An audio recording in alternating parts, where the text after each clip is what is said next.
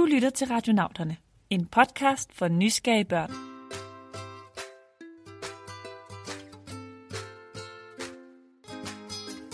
Mit navn er Karen. Og mit navn er Lisa, og i dette afsnit skal vi lære en masse om tordenvejr. Har du nogensinde undret dig over, hvorfor det larmer, når det lyner? Det har Sofia. Sofia har sendt et spørgsmål ind til os. Her kommer hun. Mit navn er Sofia. Jeg er 10 år gammel, og jeg kommer fra Ølstykke. Mit spørgsmål er, hvorfor kommer der et brag, når det lyner? Sindssygt godt spørgsmål. Synes du ikke? Jo, men også et rigtig svært et. Men Karen, vi er jo radionauterne, og vi er på en mission for at hjælpe jer derude med at finde svar. Ja, og selvom vi er meget kloge, og det er vi virkelig, så ved vi altså ikke alt. Og derfor er det heldigt, at vi kan finde hjælp. Vi søger informationer hos andre kloge hoveder, og så har vi også vores egen satellit.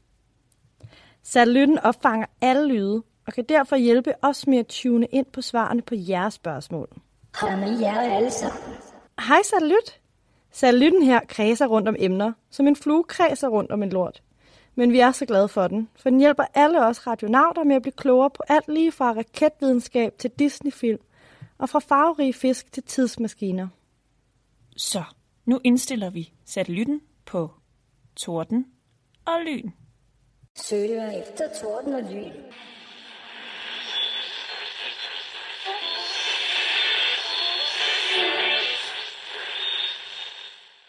Hov, hov, rolig nu, Bumle. Er du klar over, hvem du taler til? Jeg er lynet med Queen. Jeg kan klare hvad som helst.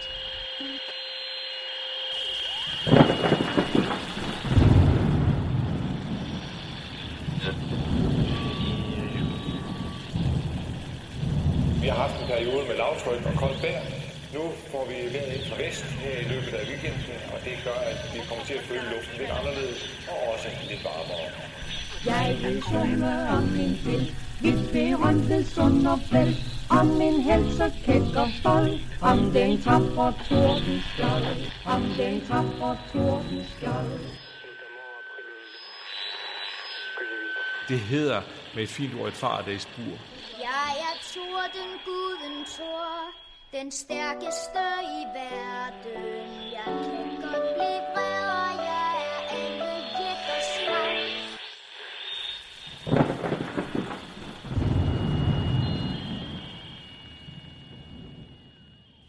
Wow, der findes godt nok meget derude om torden og lyn. Ja, det må man sige. Faktisk er Sofias spørgsmål et spørgsmål, der altid optaget os mennesker. Helt tilbage til de første mennesker var her på jorden. Okay, men de har vel ikke engang anet, hvad det var dengang. Vidste de overhovedet, at der var noget, der hed tordenvejr? Det ved vi vel sådan set ikke. Men vi ved, at de havde en anden forklaring på det, end den vi har i dag. Det har jo været et mystisk og utroligt fænomen med de her store lysglimt og de her kraftige brag. Så de prøvede at forklare det igennem historier om guder oppe i himlen. De så så tordenværet som gudernes vrede og som gudernes gave. Man skal altså forestille sig, at de dengang har tænkt guderne som dem, der havde magt over vejret, og dem, som kunne bestemme, hvornår det skulle lyne og tordne, og hvornår det skulle regne. Det er ligesom Thor. Hvem tror? Thor, han er tordenguden fra den nordiske mytologi, som var den religion, vi havde her i Norden i gamle, gamle dage, helt tilbage i vikingetiden. Thor, han var en stor og stærk gud, som beskyttede menneskene og guderne mod fjender. Og som tordengud, så var det jo hans job at bestemme over vejret. Det er ret vildt at kunne. Hvis jeg kunne det, så ville jeg bestemme, at det altid skulle være solskin, og så man kunne spise en hel masse is. Hvad vil du bestemme, Lisa? Det der lyder også virkelig lækkert. Jeg tror, jeg vil bestemme, at når det så var vinter, så skulle der være masser af sne, og der skulle være så meget sne, at man altid kunne kælke og stå på ski og, og måske sne inden en gang imellem. Mm. Altså, der er også nogen, der har ønsket, at der kom torden og regn, for så kunne deres planter vokse. Men altså, når det tordnede i gamle dage, så troede man altså, at det skyldes tor. Han red over himlen i sin vogn, trukket af gedebukke. Og at tordenen altså kom fra at hans geder, der sådan ligesom brrr, trampede over himlen.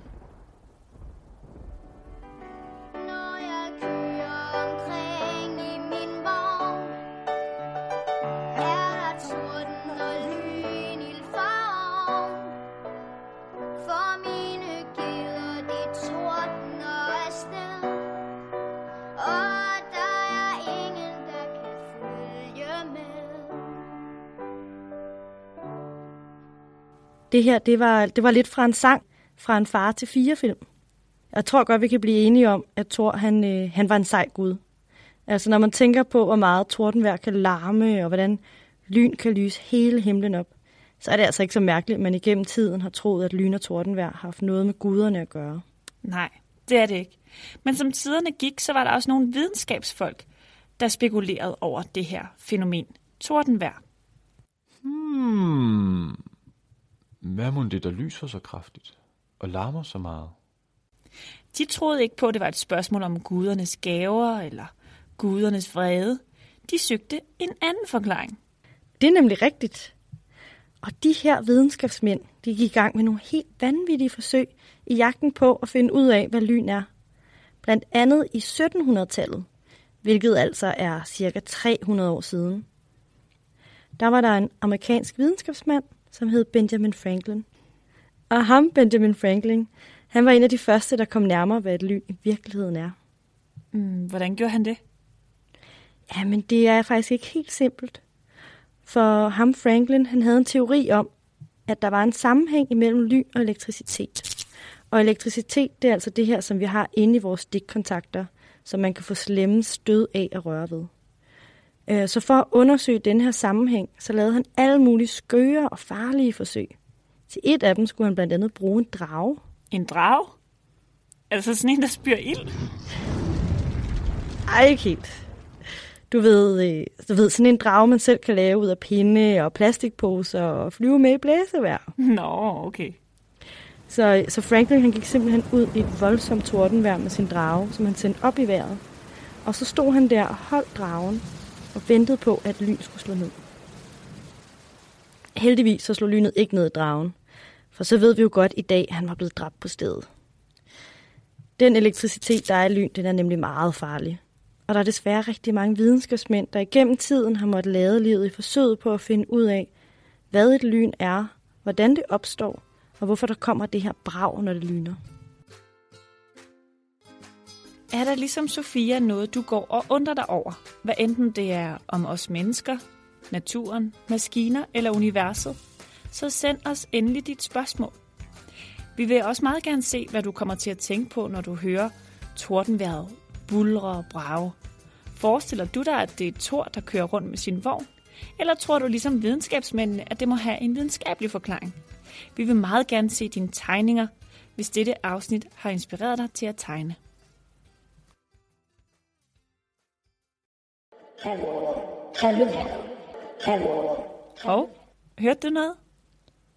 Er det satellytten? Hej Karen og Lisa, I har glemt noget. Ja, det er satellytten. Hvad, hvad, hvad siger du? Hej Karen og Lisa, I har glemt noget. I har glemt ham her. Også nogle gange, hvor jeg bare ligger derhjemme i min have og soler mig, så kan man høre boys fans stå ude på vejen, og så synger vi Things You Do. Og jeg står, nej, hvad sker der, mand? Jeg begynder at gemme mig bag øh, under trampolinen. Der er noget, vi har glemt, Karen. Jeg kan ikke lige høre, hvem det er. Kan du det? Også nogle gange, hvor jeg bare ligger derhjemme i min have og soler mig, så kan man høre boys fans stå ude på vejen, og så synger vi Things You Do. Og jeg står, nej, hvad sker der, mand? Jeg begynder at gemme mig bag øh, under trampolinen. Nej, ikke umiddelbart.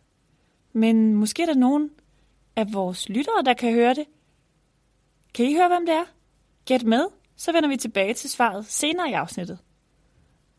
Men Karen, skal vi ikke lige vende tilbage til Sofias spørgsmål? Hvorfor kommer der et brag, når det lyner? Vi har jo snakket meget om, hvordan man i gamle dage troede, at øh, det var guderne, der lavede lyn og torden, og hvordan nogle videnskabsmænd satte livet på spil for at finde ud af, hvordan lyn og torden blev skabt op i skyerne. Men Sofia har jo stillet os en opgave, hvor hun spørger, hvorfor der kommer et brag, når det lyner. I dag er man altså blevet meget klogere på, hvad tordenvejr præcis er for en størrelse. Og nu skal vi snakke lidt om, hvad det er for et vejrfænomen. Og til det skal vi bruge sådan en her. Det bliver noget mere solrigt, det bliver noget varmere. Temperaturkurven stiger her i løbet af ugen, og så er der faktisk ikke mere nedbør sådan lige med det første. Kan I høre, hvad det er? Det er en vejrvært. Han kan forklare alle de forskellige former for vejr.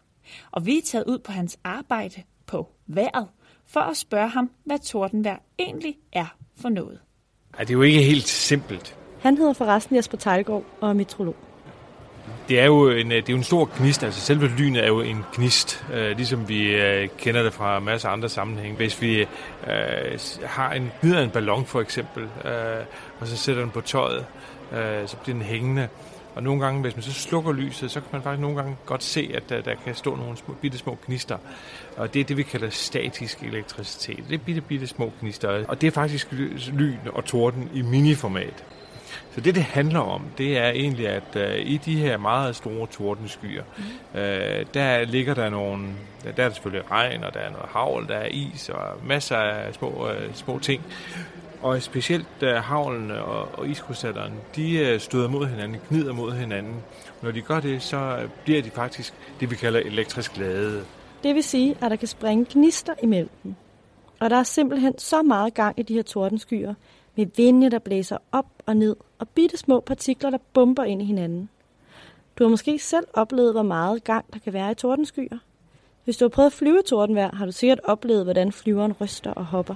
Og så sker der det, sådan efter nogen tid, så øh, vil mange af de her øh, elektrisk ladede iskrystaller, øh, de vil samle sig sådan i nogle områder, øh, oppe i toppen af skyen, og nogle nede i bunden af skyen, og og så er der jo faktisk det, vi kalder elektrisk spændingsforskel. Altså, det lyder meget kompliceret, men kort fortalt vil det sige, at der er en højere spænding i toppen af skyen, en positiv spænding, og en lavere spænding i bunden af skyen, en negativ spænding. Og når man har sådan en spændingsforskel, og den bliver meget stor, så sker der noget.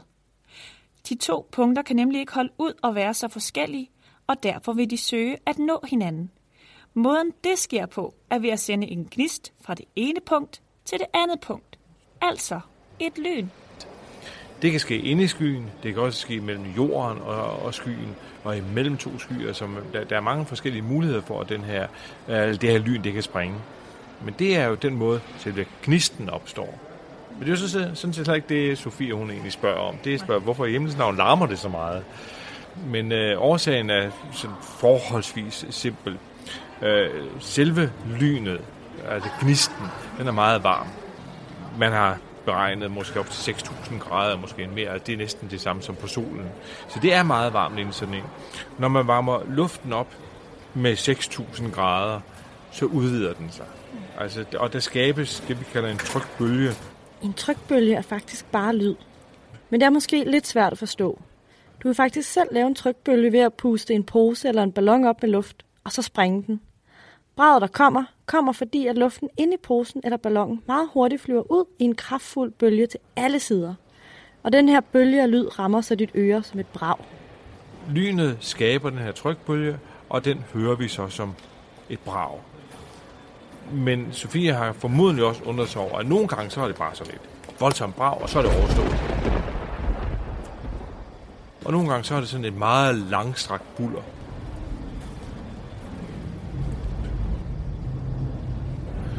Og der skal man øh, prøve at tænke på, at øh, et, et, et lyn kan jo være tæt på, det kan være langt væk. Nogle gange så går det fra sky til jord sådan lodret, og nogle gange så er det vandret imellem skyerne.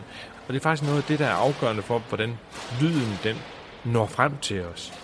Lyden den øh, bevæger sig jo med ca. 330 meter per sekund. Det går altså noget langsommere end selve lynet. Lynet øh, det kører med øh, 300.000 km i sekundet. Det er altså denne her enorme forskel mellem lysets og lydens hastighed, der gør, at vi ser lynet, før vi hører tordnen.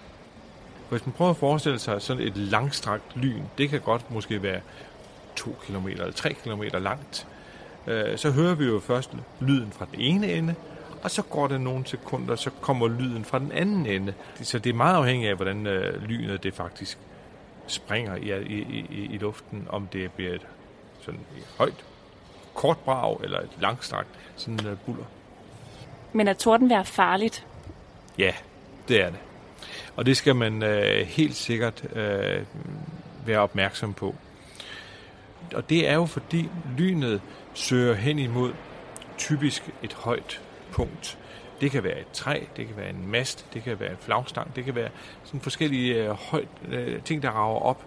Øh, fordi lynet er jo dovent, det, det springer, hvor det nu er nemmest, og det er nemmest der, hvor det så kan finde et højt punkt. Nu skal I høre godt efter.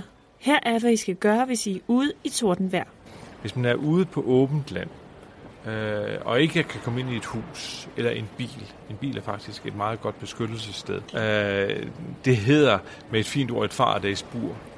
Et hvad for et bur? Et Faradays-bur. Det var fordi, der var en fysiker, der hed Faraday, at han fandt ud af, at øh, når øh, et lyn ramte sådan en metal æske, så ville lynet ikke, så kunne lynet ikke komme ind i selve æsken. Den øh, lynet bevægede sig i kanten, altså rundt øh, i, æskens øh, sider, og forsvandt så igen. Det er samme med en flyvemaskine.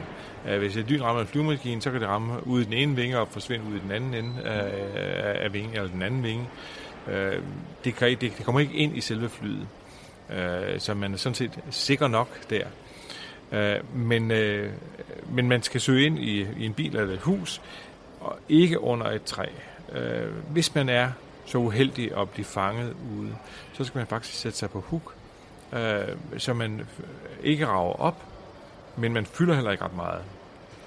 Man skal ikke lægge sig ned, for så fylder man mere. Altså, det er faktisk det med at sidde på huk. Det lyder måske lidt mærkeligt, men det er, er faktisk den bedste beskyttelse, man kan, man kan lave. Lavede Faradays lige så farlige forsøg som Benjamin Franklin? ja, det kunne man jo frygte. Han overlevede nu også, ligesom, øh, ligesom øh, Benjamin Franklin. Øh, men sådan er det jo faktisk med videnskabsmænd. Altså, de, de søger jo løsninger på et eller andet. De bliver nysgerrige, og de ved faktisk ikke altid, hvilke kræfter de er op imod. Du skriver også i din bog, at det land, som har flest lyn, det er Brasilien, og de rammes af 70 millioner lynnedslag hvert år. Hvad med Danmark? Har vi mange lyn? Har vi meget lyn og torden? Ja, vi har jo ikke så meget som Brasilien i hvert fald, men øh, specielt i øh, sommerperioden, og ikke mindst sensommeren, der, der, der kommer der jo en del lyn. Øh, og der kan der godt øh, på sådan en sorten dag komme nogle tusind lyn. Øh, og det øh, er jo, er jo voldsomt umiddelbart, og det er jo også spektakulært, altså det er jo flot at se på. Øh, og jeg kan da huske, at øh, jeg som barn øh, var meget fascineret af det her tordenvejr. Altså man blev måske sådan lidt bange, når det der var voldsomt brag kom, men, øh, men, men det var jo flot at se på. Så du undrede dig også over, hvor braget kom fra, da du var lille? Ja da, selvfølgelig gør jeg det. Hvis man er nysgerrig, så undrer man sig over den slags. Det gør vi i hvert fald. Vidste du godt, at lyn kan gå på langs i himlen fra sky til sky? Nej, det vidste jeg ikke. Jeg har lært virkelig meget i hvert fald. Mm. Nu skal jeg aldrig mere være bange for at flyve i tordenvejr. For jeg ved, at flyet er bare et faradagsbur, og at lynet derfor ryger udenom og slet ikke kan nå os ind i flyet. Heldigvis er der i det hele taget en meget, meget lille risiko for at blive ramt af et lyn. Men husk nu alligevel på de ting, vi har lært i dag, om at hvis du er ude, skal du gå i hug, eller øh, du skal søge ly indenfor, med varm kakao for eksempel. Det vil vi i hvert fald gøre. Mm, det vil vi. Men Karen, vi lovede jo at vende tilbage til den lyd, satellitten afspillede for os lidt tidligere. Ja, det er rigtigt. Men øh, jeg kan altså stadig ikke gætte, hvad det er. Men måske nogle af vores lyttere faktisk ved det. Måske har jeg gættet det. Svaret er Thor fra City Boys. Men det har jo egentlig ikke særlig meget med tordenvejr at gøre. Hvis du, ligesom Sofia, går og undrer dig over noget, så vil vi meget gerne høre fra dig. Radionavlerne er altid klar til en ny mission. Det kan også være, at det her afsnit inspirerer dig til at tegne en tegning. Den må du også meget gerne sende til os. Vi bliver så glade, når vores lyttere, eller skulle man sige satte lyttere, vil være nysgerrige på emnerne sammen med os. Og ellers så vil vi bare sige tak, fordi du lyttede med. Mit navn er Karen. Og jeg hedder Lisa. Og, og vi, vi er radionauterne. radionauterne.